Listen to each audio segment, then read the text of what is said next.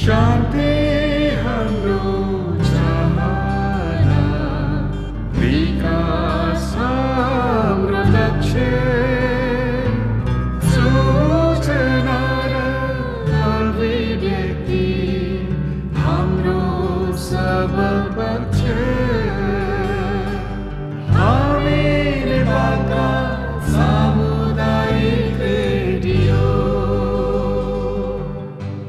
सामाजिक रूपान्तरणका लागि यो हो सामुदायिक सूचना नेटवर्क सिआइएन अहिले बेलुकीको साढे सात बजेको छ।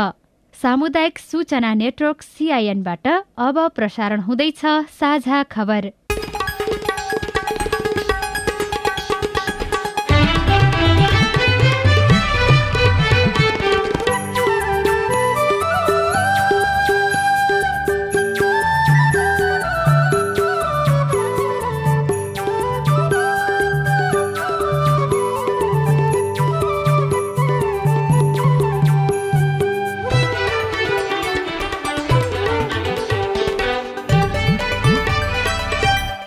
सिआइएनको साझा खबरबाट दीपक आचार्यको नमस्कार।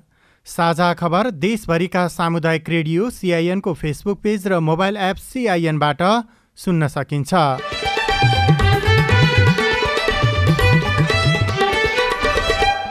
राष्ट्रिय स्वतन्त्र पार्टीका सभापति रवि लामिछानेको उम्मेदवारी कायम।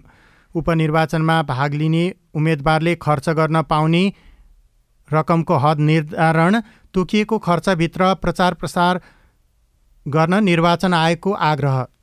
प्रधान न्यायाधीशको नियुक्तिको प्रक्रिया अगाडि नबढ्नु चाहिने न्यायपालिकाको स्वतन्त्रतामा नै चाहिने असर पर्ने कुरा हो।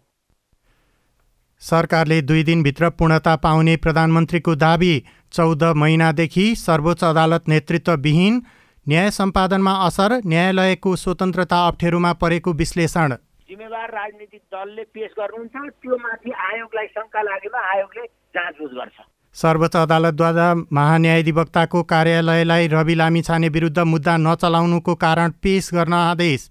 स्रोत व्यवस्थापनमा समस्या भएपछि लुम्बिनी प्रदेश सरकारद्वारा खर्च कटौती कोरोनालाई हेलचेक्राइ नगर्न विज्ञको सुझाव। एकजना बिरामी भएछ र चारजना बिरामी भएछ भने त्यो एकजना बरु छुट्टै बस्दियो त चारजनालाई अलिकति काम गर्न सहज हुन्छ। र बालबालिकाको तथ्याङ्क दुरुपयोग सम्बन्धी कसुरमा बेलायतद्वारा सामाजिक सञ्जाल टिकटकमाथि अर्बौँ जरिवाना।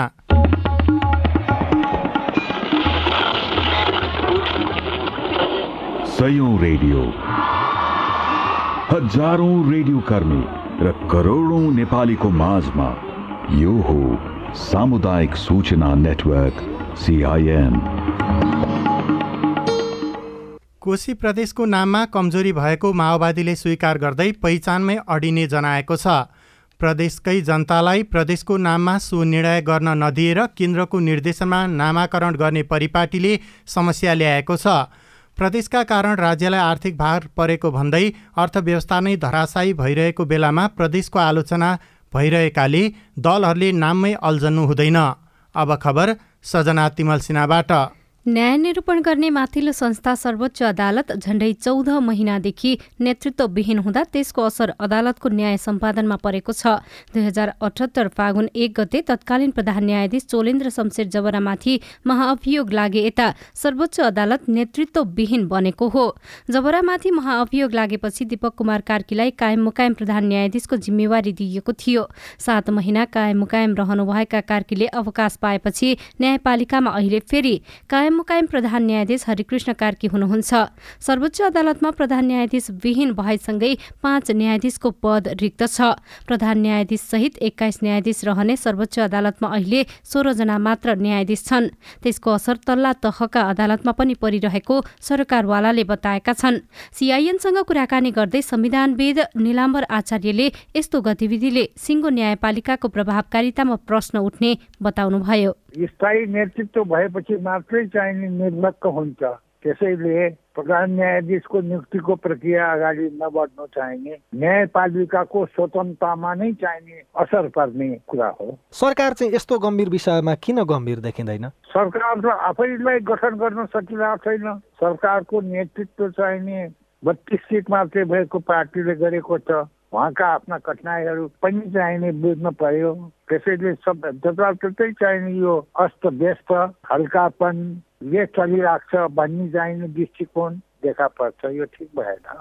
संवैधानिक परिषद सम्बन्धी ऐनको विधेयक पारित हुन ढिलो हुँदा राज्यको तेस्रो अङ्क नै एक वर्षभन्दा बढी समयदेखि नेतृत्वविहीन बनेको हो। सिआइएनसँग कुराकानी गर्दै संघीय संसद सचिवालयका सहप्रवक्ता दशरथ धमलाले विधेयक संसदको प्रक्रियामै रहेको जानकारी दिनुभयो।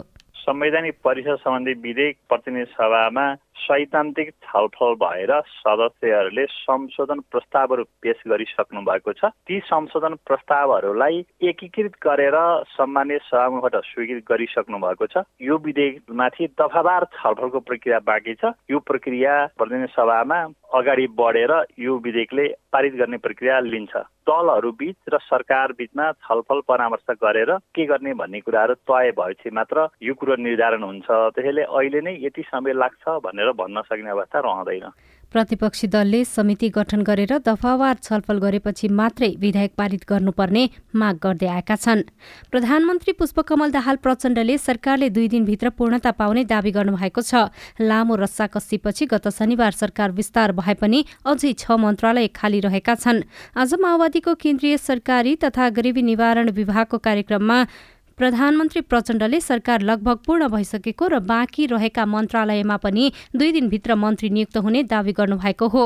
परम्परागत नीति कार्यक्रम र बजेटले देशमा समस्या सम्बोधन गर्न नसक्ने भन्दै उहाँले आगामी आर्थिक वर्षका लागि विगतमा भन्दा देशको अर्थतन्त्रमा गुणात्मक प्रभाव राख्ने नयाँ योजनाहरू ल्याउने बताउनु भएको छ। वैशाख दस गते हुन लागेको उपनिर्वाचनमा भाग लिने उम्मेद्वारले खर्च गर्न पाउने रकमको हद निर्धारण गरिएको छ। निर्वाचन आयोगले तीनवटा निर्वाचन क्षेत्रका उम्मेद्वारका लागि खर्चको सीमा निर्धारण गरेको हो। आयोगका अनुसार चितवन क्षेत्र नम्बर दुई र बाह्र क्षेत्र नम्बर दुईका उम्मेद्वारले निर्वाचन प्रचार प्रसारका क्रममा अधिकतम उनातिस लाख रुपियाँसम्म खर्च गर्न पाउने भएका छन्। तनहुँ क्षेत्र नम्बर एकका लागि भने एकतिस लाख रुपियाँसम्म खर्च गर्न पाउने गरी सीमा निर्धारण गरिएको निर्वाचन आयोगका प्रवक्ता शालिग्राम शर्मा पौडेलले सिआइएनलाई जानकारी दिनुभयो। निगरानी आयोगले गर्छ निर्वाचन अधिकृतको कार्यालयले गर्छ त्यसपछि उहाँहरू आफैले गर्नुहुन्छ सो मूल्याङ्कन सो अनुशासनमा बस्नुहुन्छ। उहाँहरूले अनि निर्वाचन गरिसकेपछि आफ्नो हिसाब किताब पेस गर्नुहुन्छ। उहाँहरू जिम्मेवार राजनीतिक दल हो। जिम्मेवार राजनीतिक दलले पेस गर्नुहुन्छ। त्यो माथि आयोगलाई शङ्का लागेमा आयोगले जाँचबुझ गर्छ। कानुन बमोजिम कारवाही हुन्छ नि। हामीले त एक लाख पच्चिस हजारलाई जरिवाना लगाएको यहाँहरूलाई थाहा छ होइन? त्यस्तै अब यदि यो पनि उहाँले विवरण पेस गर्नु भएन अथवा गलत विवरण पेस गर्नुभयो भने कानुन बमोजिम कारवाही हुन्छ। तोकिएको खर्चको हदभित्र रहेर प्रचार प्रसार गर्न पनि आयोगले उम्मेद्वारलाई आग्रह गरेको छ। सर्वोच्च अदालतले महान्यायाधिवक्ताको कार्यालयलाई रवि लामिछाने विरुद्ध मुद्दा नचलाउनु पर्ने कारण पेश गर्न आदेश दिएको छ। महान्यायाधिवक्ता दिनमणि पोखरेलले गएको चैत छ गते लामिछाने विरुद्ध मुद्दा चलाउन नपर्ने निर्णय गर्नुभएको थियो। उक्त निर्णय बदर गर्न माग गर्दै परेको रेटमा सर्वोच्च अदालतले विपक्षीका नाममा कारण देखाउ आदेश जारी गरेको हो।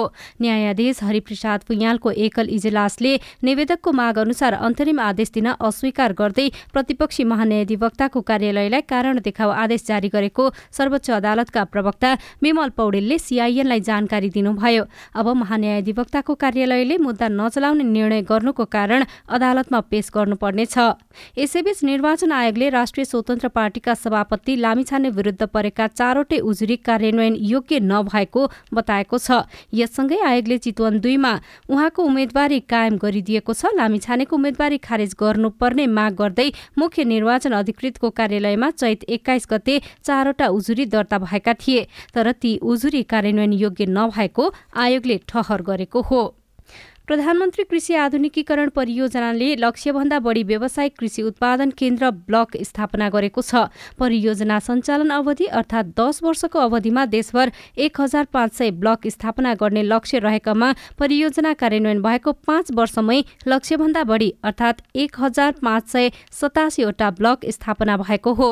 परियोजनाका निमित्त निर्देशक हिक्मत कुमार श्रेष्ठले लक्ष्य अनुसारको ब्लक स्थापना गरिसकिएकाले आगामी वर्ष थप गर्ने नगर्ने बारे केही समयमा थाहा हुने बताउनुभयो। सङ्घीय संरचना तयार भइसकेपछि सुरुमा जुन जतिखेर परियोजना तयार भयो त्यतिखेर यो हरेक वर्ष एउटा एक सय पचास सौवटा ब्लकका दरले बढाउँदै गएर दस वर्षमा पन्ध्र सयवटा ब्लक तयार गर्ने भन्ने चाहिँ त्यसरी लक्ष्य राखिएको छ। तर बिचमा चाहिँ यो दुई हजार छिहत्तर सतहत्तरतिर आएर एक पालिका एक ब्लक चाहिँ अनिवार्य गर्ने भन्ने एउटा सरकारको नीतिगत निर्णय भएपछि हामीले हरेक पालिकामा नै ब्लकहरू सञ्चालन गर्न खोज्यौँ र यसले गर्दाखेरि परियोजनाको पुरा अवधि नहुँदै नै बिचमा नै यसको लक्ष्य पुरा भएको देखिन्छ र आउने वर्षहरूमा चाहिँ यसलाई निरन्तरता दिने अथवा नयाँ ब्लकहरू सञ्चालन गर्ने भन्ने चाहिँ अहिले परियोजनाको मध्यावधि मूल्याङ्कन हुँदैछ। उहाँहरूबाट जे प्रतिवेदन प्राप्त हुन्छ त्यही अनुसार सुझावहरू प्राप्त भएपछि त्यो अनुसार नै आगामी वर्ष चाहिँ यसको कार्यान्वयनको रणनीतिहरू तय हुन्छ। ब्लक क्षेत्रमा रासायनिक तथा प्राङ्गारिक मल उन्नत तथा हाइब्रिड बिउ बिजन रासायनिक एवं जैविक विषादीहरू लगायतका उत्पादन सामग्रीहरूमा अनुदान सहयोग उपलब्ध गराउँदै आएको छ। स्रोत व्यवस्थापनमा समस्या भएपछि लुम्बिनी प्रदेश सरकारले आफ्नो खर्च कटौती गर्ने निर्णय गरेको छ। संघीय सरकारले दिने रकम समेत काटिएपछि बीस प्रतिशत खर्च कटौती गरेको प्रदेशको आर्थिक मामिला मन्त्रालयले जनाएको छ। प्रदेश सरकारका सबै मन्त्रालय तथा मातहतका कार्यालयका अठाइसवटा शीर्षकमा विनियोजित बजेट काट्न लागेको मन्त्रालयका सूचना अधिकारी मोहन पाण्डेले सीआईएनलाई जानकारी दिनुभएको छ। परीक्षण बढेसँगै कोरोना पुष्टि हुनेको संख्या पनि बढ्दै गएको छ। गएको चौबिस घण्टामा अन्ठानब्बे जनामा कोरोना भाइरसको संक्रमण पुष्टि भएको स्वास्थ्य तथा जनसङ्ख्या मन्त्रालयले जनाएको छ। मन्त्रालयका अनुसार एक हजार सात सय अडसठी जनाको नमुना परीक्षण गर्दा अन्ठानब्बे जनामा कोरोना पुष्टि भएको हो। यो सँगै देशभर सक्रिय संक्रमितको संख्या तीन सय बाइस पुगेको छ। रुगाखोकी लाग्नु ज्वरो आउनु र जिउ दुख्नु कोरोनाका लक्षण हुन् तर मौसम परिवर्तन हुने समय भएकाले यी समस्या जो कोहीलाई पनि देख्न सकिने चिकित्सकले बताएका छन्। कोरोनासँग मिल्दोजुल्दो लक्षण देखिए छुट्टै बसेर घरका अरू सदस्यलाई जोगाउन सर्वारोग विशेषज्ञ डाक्टर शेरबहादुर पुनले सिआइएन मार्फत आग्रह गर्नुभयो। अ, रुगा खोकी लागेको हकमा जो बिरामी हो ऊ छुट्टी दिने अरूलाई सर्ने सम्भावना रहेन नि त। अरूले मास्क लगाउने त्यो गर्ने होला तर एकजना बिरामी भएछ र चारजना बिरामी भएछ भने त्यो एकजना बरु छुट्टै बसिदियो त। चारजनालाई अलिकति काम गर्न सहज हुन्छ। अब यो खालको चाहिँ हामीले गर्न सक्छौँ भन्ने हो। बाहिरको लागि त अब धेरैले विचार चाहिँ गर्ने कोसिस गर्छ। अब म बाहिर जाँदैछु अब मलाई सरलाई के भन्ने त हुन्छ। तर परिवारभित्र आइसकेपछि चाहिँ अलिक त्यसमा त्यति साह्रो ध्यान नदिएको चाहिँ मैले पाएको छु कोरोनासँग मिल्दोजुल्दो लक्षण भए पनि सावधानी नअपनाउँदा संक्रमण फैलिरहेको चिकित्सकहरूले बताएका छन्। साझा खबरमा अब विदेशको खबर। बालबालिकाको तथ्याङ्क दुरूपयोग सम्बन्धी कसुरमा बेलायत सरकारले टिकटकमाथि बाह्र दशमलव सात मिलियन पाउन्ड जरिवाना तिराएको छ। अनुसन्धानका क्रममा टिकटकले बालबालिकाका तथ्याङ्क सुरक्षा सम्बन्धी कानून उल्लङ्घन गरेको पाइएको बेलायतको सूचना आयुक्तको कार्यालयले जनाएको छ। र खेल खबरमा पेरिस ओलम्पिक महिला फुटबल एसिया छनौटको पहिलो चरण अन्तर्गत अहिले नेपाल र भियतनाम खेलिरहेका छन्। त्रिपुरेश्वर स्थित दशरथ रङ्गशालामा भइरहेको खेलमा यो खबर तयार पार्दासम्म भियतनामले चार गोल गरेको छ भने नेपालले एक गोल फर्काएको छ। र इन्डियन प्रिमियर लिग आइपिएल क्रिकेटमा आज पन्जाब किङ्स र राजस्थान रोयल्स खेल्दैछन्। केही बेरमा गुवाहाटीमा सुरु हुने खेलका लागि राजस्थानले टस जितेर फिल्डिङ रोजेको छ। सजना तिमल सिन्हा।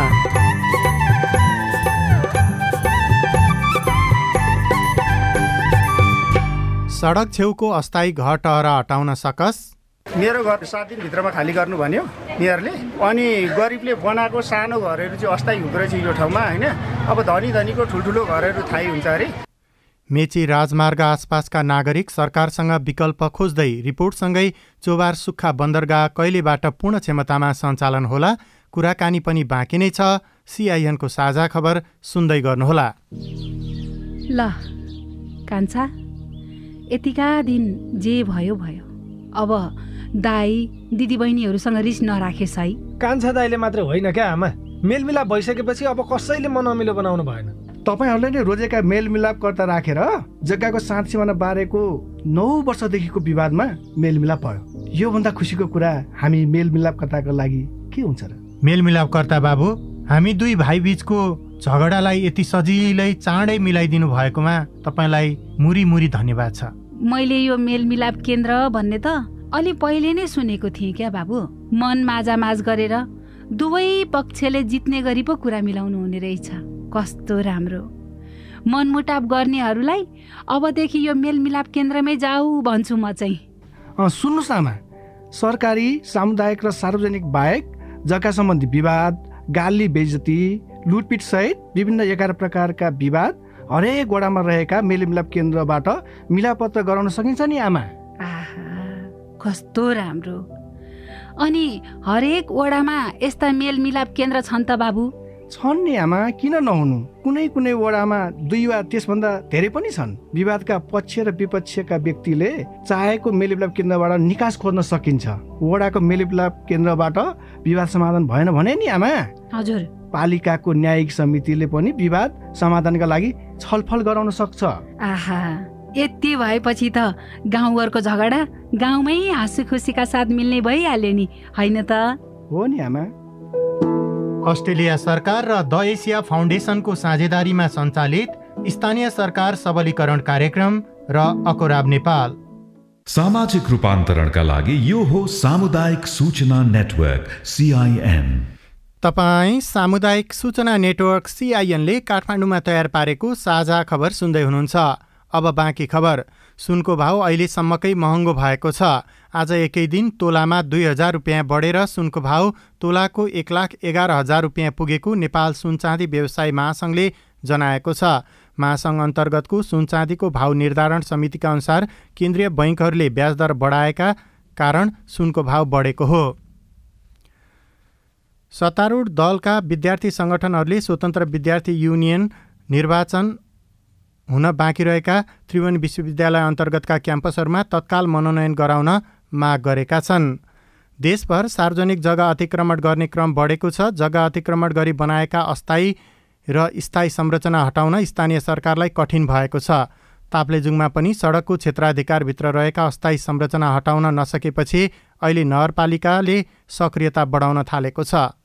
पटक पटक सूचना निकाले पनि काम नभएपछि अहिले मेची राजमार्ग अन्तर्गत फुङलिङ बजार क्षेत्रभित्रको सडकको मध्यभागदेखि साढे दस मिटर दायाँ बायाँ रहेका अस्थायी संरचना हटाउने क्षेत्रलाई नगरपालिकाले रेखाङ्कन सुरु गरेको छ। रेखाङ्कन गरिएको क्षेत्रभित्रका अस्थायी संरचना हटाउने र स्थायी संरचना हटाउन सडक विभागलाई जिम्मा दिने नगरपालिकाको तयारी छ। तर अस्थायी संरचनामै निर्भर भएर जीविका चलाइरहेकाहरू भने यसो गर्दा आफूहरूको उठीबास हुने बताउँछन् फुङलिङका डम्बर कार्की।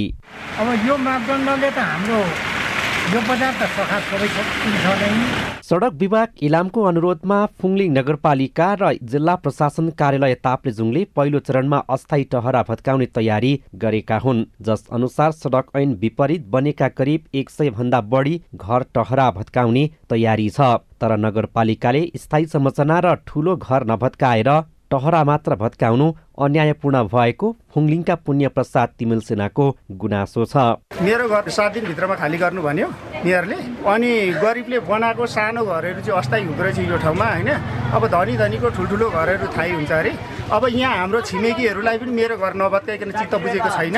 गरिबले पनि बाँच्न पाउनुपर्छ। गरिब पनि मान्छे नै हो धनी पनि मान्छे नै हो ज्यान ज्यानै हो सबैजनाको। मैले त्यति मात्रै सडक ऐन दुई हजार एकतिस अनुसार मेची राजमार्गको चौडाइ बयालिस मिटर छ। यद्यपि सदरमुकाम भित्रको सडक भने एक्काइस मिटर मात्र कायम गर्न अनुरोध गर्ने तयारी नगरपालिकाको छ।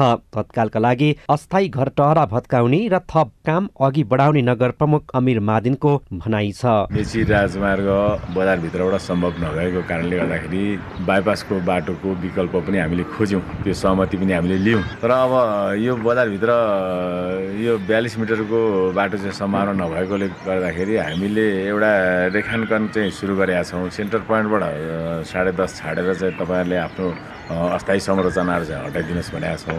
अब अस्थायी संरचना हटाइसकेपछि त्यो साइड चाहिँ अब हामी अर्थलाई पैसा हाल्नु लगाएर चाहिँ सडकलाई हामी तुरन्त काम गरिदियो भनेर चाहिँ त्यो बाटो हाम्रो बनाउनु सुरु हुन्छ। चिनको सीमासम्म जोडिएको तमोर करिडोर पनि भएकाले सदरमुकाम हुँदै सीमा जोड्ने मेची राजमार्गमा मापदण्ड लागू गर्न नहुने कतिपयको तर्क छ। तर जिल्लाकै भविष्य भएकाले मेची राजमार्ग कम मात्र क्षति हुने गरी विस्तार गर्नुपर्ने माग गर्नेहरू पनि छन्। सडक विभागको तयारी चाहिँ के छ त? सडक डिभिजन इलामका इन्जिनियर हरिराम कार्की। फुङलिङ नगरपालिकाले सहर बनाउने बजार बनाउने भन्ने हिसाबमा चाहिँ अब एउटा त्यो घर टहरा हटाउने भन्ने उहाँहरूले अब एउटा चाहिँ सूचना जारी गर्नुभयो र त्यही अनुसारले अब त्यो सक्सेस भइसकेपछि उहाँहरूले यो अब क्लियरेन्सहरू सबै भइसक्यो। अब कतिसम्म क्लियरेन्स हुन्छ त्यो आधारमा डिजाइन गर्यो र डिजाइन अनुसारको अब इस्टिमेट आउला। इस्टिमेट फेरि स्वीकृत गराइएला स्वीकृत भइसकेपछि फेरि त्यो टेन्डर प्रक्रियामा जाला।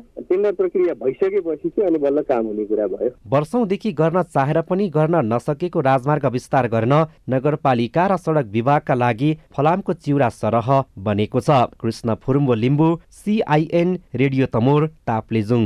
साझा खबरमा अब हेलो सिआइएन अविनाश आचार्यबाट।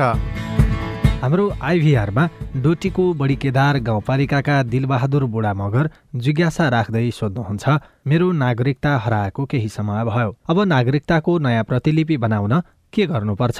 प्रक्रियाबारे बताउँदै जिल्ला प्रशासन कार्यालय डोटीका प्रशासकीय अधिकृत दिपा जोशी। पहिला लिएको नागरिकताको फोटोकपी अथवा नागरिकता नम्बर उल्लेख भएको कुनै डकुमेन्ट अट्याच गरेर चाहिँ एउटा अनुसूचित दुई भन्ने फर्म चाहिँ हुन्छ त्यो ओडाले सिफारिस गरिदिनुहुन्छ। त्यो सहित आउनुभयो भने हामी उहाँलाई चाहिँ प्रतिलिपि दिन सक्छौँ। नमस्कार मेरो नाम पिताम्बर प्रसाद पूर्व म सिजनचोक गाउँपालिका वार्ड नम्बर चारबाट मेरो भनाइ छ कि छिपटार साङ्ग्रिला विकास ब्याङ्कमा जुना बानियाको मेरो नाममा खाता खोलिएको थियो। तर जुना बानियाको मृत्यु भइसक्यो। म अध्यक्ष काम गर्थेँ जुना बानिया कोषा अध्यक्ष काम गर्थेँ। हाम्रो अपाङ्ग सञ्जालबाट खोलेको खाता हो। अब यो पैसा निकाल्नलाई मैले चाहिँ के के गर्नुपर्छ? तपाईँलाई यसबारे जानकारी गराउँदै हुनुहुन्छ साङ्ग्रिला विकास बैङ्कको छिपेटार शाखाका कर्मचारी सोभिता खड्का। अब खाता बन्द गरेर पैसा चाहिँ फिर्ता दिनु होला भनेर वार्डले एउटा सिफारिस बनाइदिनुहुन्छ।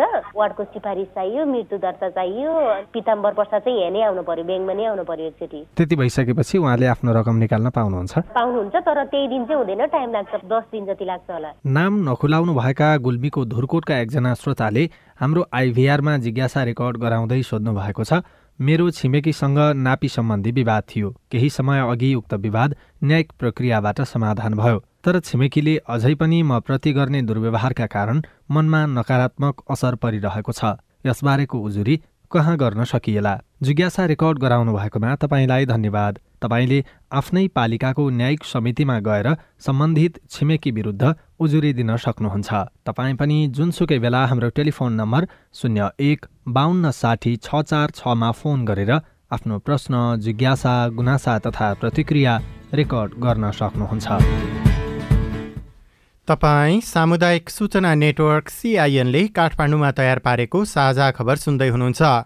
चोबार सुक्खा बन्दरगाह किन पूर्ण रूपमा प्रयोगमा आउन सकेन? परियोजना बनेको आजको भोलि हामीले चाहिँ यसको मुनाफा खोज्न थाल्यौँ भनेदेखि फेरि हामी कहीँ पनि पुग्दैनौँ। डेढ अर्ब लगानीमा निर्माण गरिएको सुक्खा बन्दरगाह बारेको कुराकानी बाँकी नै छ। सिआइएनको साझा खबर सुन्दै गर्नुहोला। दाइजो। दहेज मांगने है अस्सी हजार रुपया आठ आना सोना बाह्र भर चानी बाल विवाह? वर्ष चौध वर्ष। मेरो बिहे भएको डेढ साल भयो। साथीहरू स्कुल जाँदा रहर लाग्छ। बिहे किन गर्यो जस्तो लाग्छ। छुवाछुत। कुकुर पढ्नु पनि हामी पढ्नु पनि भए भने त अलिकति मन त फेरि नै हुन्छ नि छाउपडी। हुन्छ दुःख त नभएर हुन्छ बिहाको झगडा हुन्छ बेग आउँछ चिसो भइरहेछ। यस्ता हानिकारक परम्परागत अभ्यासका कारण महिला किशोरी र बालिकाहरू विभिन्न शारीरिक तथा मानसिक हिंसा भोग्न बाध्य छन्। होसियार यस्ता हानिकारक परम्परागत अभ्यासहरू कानुनद्वारा दण्डनीय छन्। ओल्ड भिजन इन्टरनेसनल नेपाल र सामुदायिक सूचना नेटवर्क सिआइएन। सिआइएनको साझा खबर अब नेपाली पात्रोमा पनि। स्थानीय राष्ट्रिय तथा अन्तर्राष्ट्रिय समाचार नेपाली एफएम तथा अनलाइन रेडियोहरू एकै ठाउँमा सुन्न तिथि मिथि तथा पञ्चाङ्ग सम्बन्धी सबै जानकारी लिन।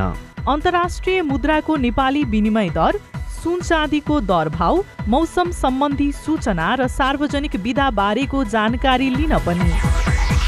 नेपाली पात्रो अब तपाईँको मोबाइलमा। सामाजिक रूपान्तरणका लागि यो हो सामुदायिक सूचना नेटवर्क सिआइएन तपाईँ सामुदायिक सूचना नेटवर्क सिआइएनले काठमाडौँमा तयार पारेको साझा खबर सुन्दै हुनुहुन्छ।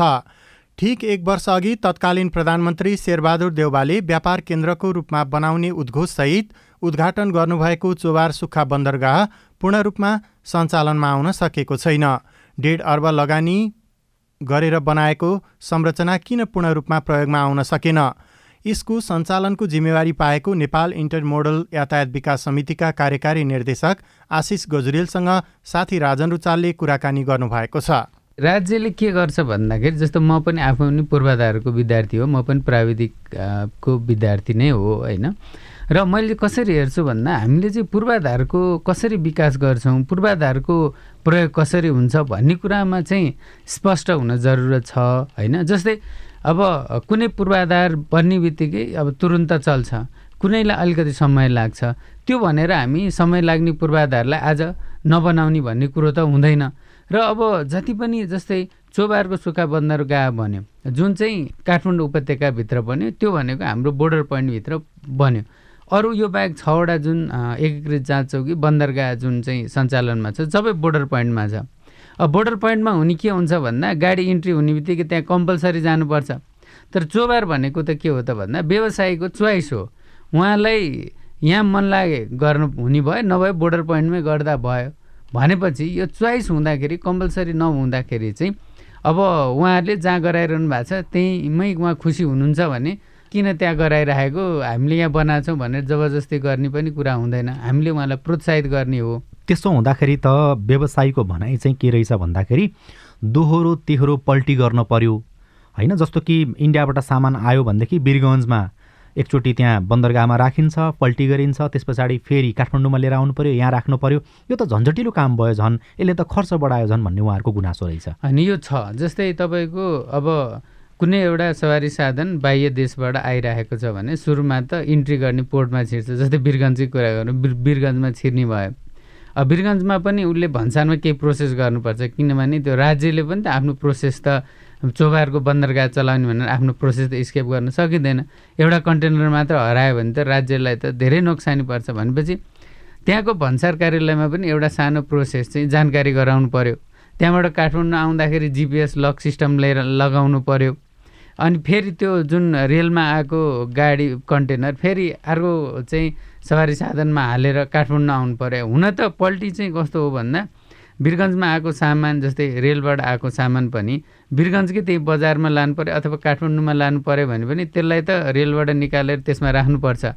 अब त्यही चाहिँ अब चोबार आउने हो। अनि त्यही चोबारमा क्लियर भएर त्यसैले पनि लाने हो भनेपछि त्यस्तो पल्टी त गर्नु पर्दैन। तर पनि उहाँहरूको चाहिँ के हो त भन्दा वीरगन्जमा पनि हामीले एउटा प्रक्रिया गर्नुपर्ने फेरि चोबारमा पनि प्रक्रिया गर्नुपर्ने फेरि हाम्रो द्रुत मार्ग बनेन त्यही भएर कलङ्कीमा आऊ अनि त्यसपछि फेरि किर्तिपुर हुँदै चोबार आऊ फेरि फर्क भनेपछि हामीलाई ढुवानी खर्च पनि बेसी लाग्यो भन्ने चाहिँ उहाँहरूको चाहिँ कुरा छ। त्यो स्वाभाविक हो नि होइन? स्वाभाविक हो। अब मैले चाहिँ के भन्छु भन्दा व्यवसायीले त नाफा कमाउने व्यवसाय गरेको हो। उहाँलाई त खर्च बेसी लाग्छ भने उहाँले गर्नुहुन्न। तर एउटा कुरो चाहिँ के बुझ्नुपर्छ भन्दा जस्तो आजको दिनमा पनि जस्तो वीरगन्ज विराटनगर अन्य नाकामा चाहिँ धेरै सवारी साधन आउँछन्। त्यहाँ पालो कुर्नुपर्ने अवस्था छ भन्सार जाँचपासको लागि। तर काठमाडौँमा त चाँडै हुन्छ भनेपछि त्यो समय पनि बचत हुन्छ। भनेको के हो त भन्दा टाइम भनेको त फेरि मनी पनि हो। त्यो हिसाबले एउटा सहजताको हिसाबले पनि चाहिँ व्यवसायीले चाहिँ हेरिदिनुपर्छ भन्ने चाहिँ मैले चाहिँ उहाँलाई अनुरोध गरिराखेको हुन्छु। यो आरोप चाहिँ कसरी पनि अब मान्छेहरूले लगाउँछन् भनेदेखि अब तपाईँ त्यसको नेतृत्व गरिरहनु भएको व्यक्ति हुनुभयो त्यसकारण पनि मैले प्रश्न गर्न जायज हुन्छ होला। जस्तो कि तपाईँहरूलाई सुक्खा बन्दरगाह चोभारको चलाउनु पर्ने बाध्यता भएका कारणले किनकि त्यहाँ डेढ अर्बभन्दा बढीको लगानी छ। त्यो एउटा बाध्यता पनि छ नि त देखाउनु पनि पर्यो नत्र किन त्यहाँ लगानी गरिएको थियो भन्ने प्रश्न उठ्न सक्छ। त्यसकारण पनि यहाँ चाहिँ आउनुपर्छ भनेर व्यवसायीलाई प्रेरित गर्न खोज्दै हुनुहुन्छ अथवा उहाँहरूले दबावको रूपमा त्यसलाई बुझ्नु भएको पनि हुनसक्छ। आखिर वीरगन्जमा चाहिँ बन्दरगाह प्रयोग गरिसके पछाडि व्यवसायीले काठमाडौँको प्रयोग गर्नै पर्छ यहाँ आउनै पर्छ भन्ने पनि त होइन रहेछ नि होइन र? होइन हामीले त्यो उहाँहरूलाई कम्पलसरी गरेको पनि छैन अनिवार्य गरेको पनि छैन। हामीले उहाँलाई प्रोत्साहित गरेको हो।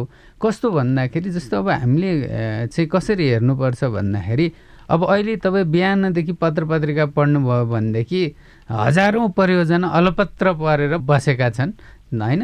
र हामीले नै समाचार भन्छौँ समाचार भन्नुहुन्छ। तर सुक्खा बन्दरगाह तपाईँले देख्दा देख्दै हामीले कोरोनाको समयमा हाम्रो मेहनत हाम्रो परिश्रमले त्यसलाई हामीले चाहिँ निर्माण सम्पन्न गरेर आज सञ्चालनमा लिएर आयौँ है?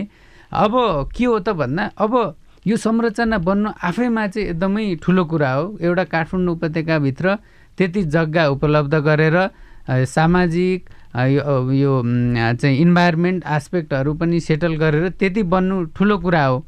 र परियोजना बनेको आजको भोलि हामीले चाहिँ यसको मुनाफा खोज्न थाल्यौँ भनेदेखि फेरि हामी कहीँ पनि पुग्दैनौँ। भोलिदेखि किन परियोजना बनाउने? जस्तो यसलाई सञ्चालन गर्नको लागि चाहिँ हामीले जुन तहसम्म पुगेर नागरिक सचेतना गर्नु पर्थ्यो बुझाउन सक्नु पर्थ्यो नागरिक भन्दा पनि उपभोक्ता भन्दा पनि व्यापारीहरूलाई व्यवसायीलाई बुझाउन सक्नु पर्थ्यो होइन?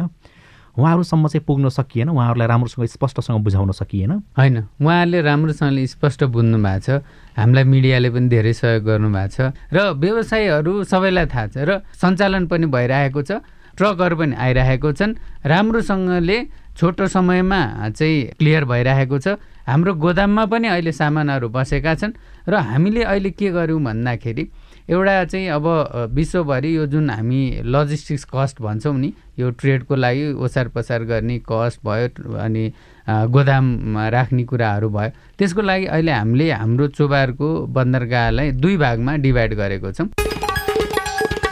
प्रधानमन्त्री पुष्पकमल दाहाल प्रचण्डले सरकारले दुई दिनभित्र पूर्णता पाउने बताउनु भएको छ। सर्वोच्च अदा- अदालतले महान्यायाधिवक्ताको कार्यालयलाई रवि लामिछाने विरुद्ध मुद्दा नचलाउनु पर्ने कारण पेश गर्न आदेश दिएको छ। स्रोत व्यवस्थापनमा समस्या भएपछि लुम्बिनी प्रदेश सरकारले आफ्नो खर्च कटौती गर्ने निर्णय गरेको छ र बालबालिकाको तथ्याङ्क दुरुपयोग सम्बन्धी कसुरमा बेलायतद्वारा सामाजिक सञ्जाल टिकटकमाथि अर्बौँ जरिवाना तोकिएको छ। हवस् त आजलाई साझा खबरको समय सकियो। प्राविधिक साथी सुभाष पन्तलाई धन्यवाद। भोलि चैत तेइस गते बिहान छ बजेको साझा खबरमा फेरि भेटौँला। अहिलेलाई दिपक आचार्य पनि बिदा हुन्छु। नमस्कार शुभरात्रि।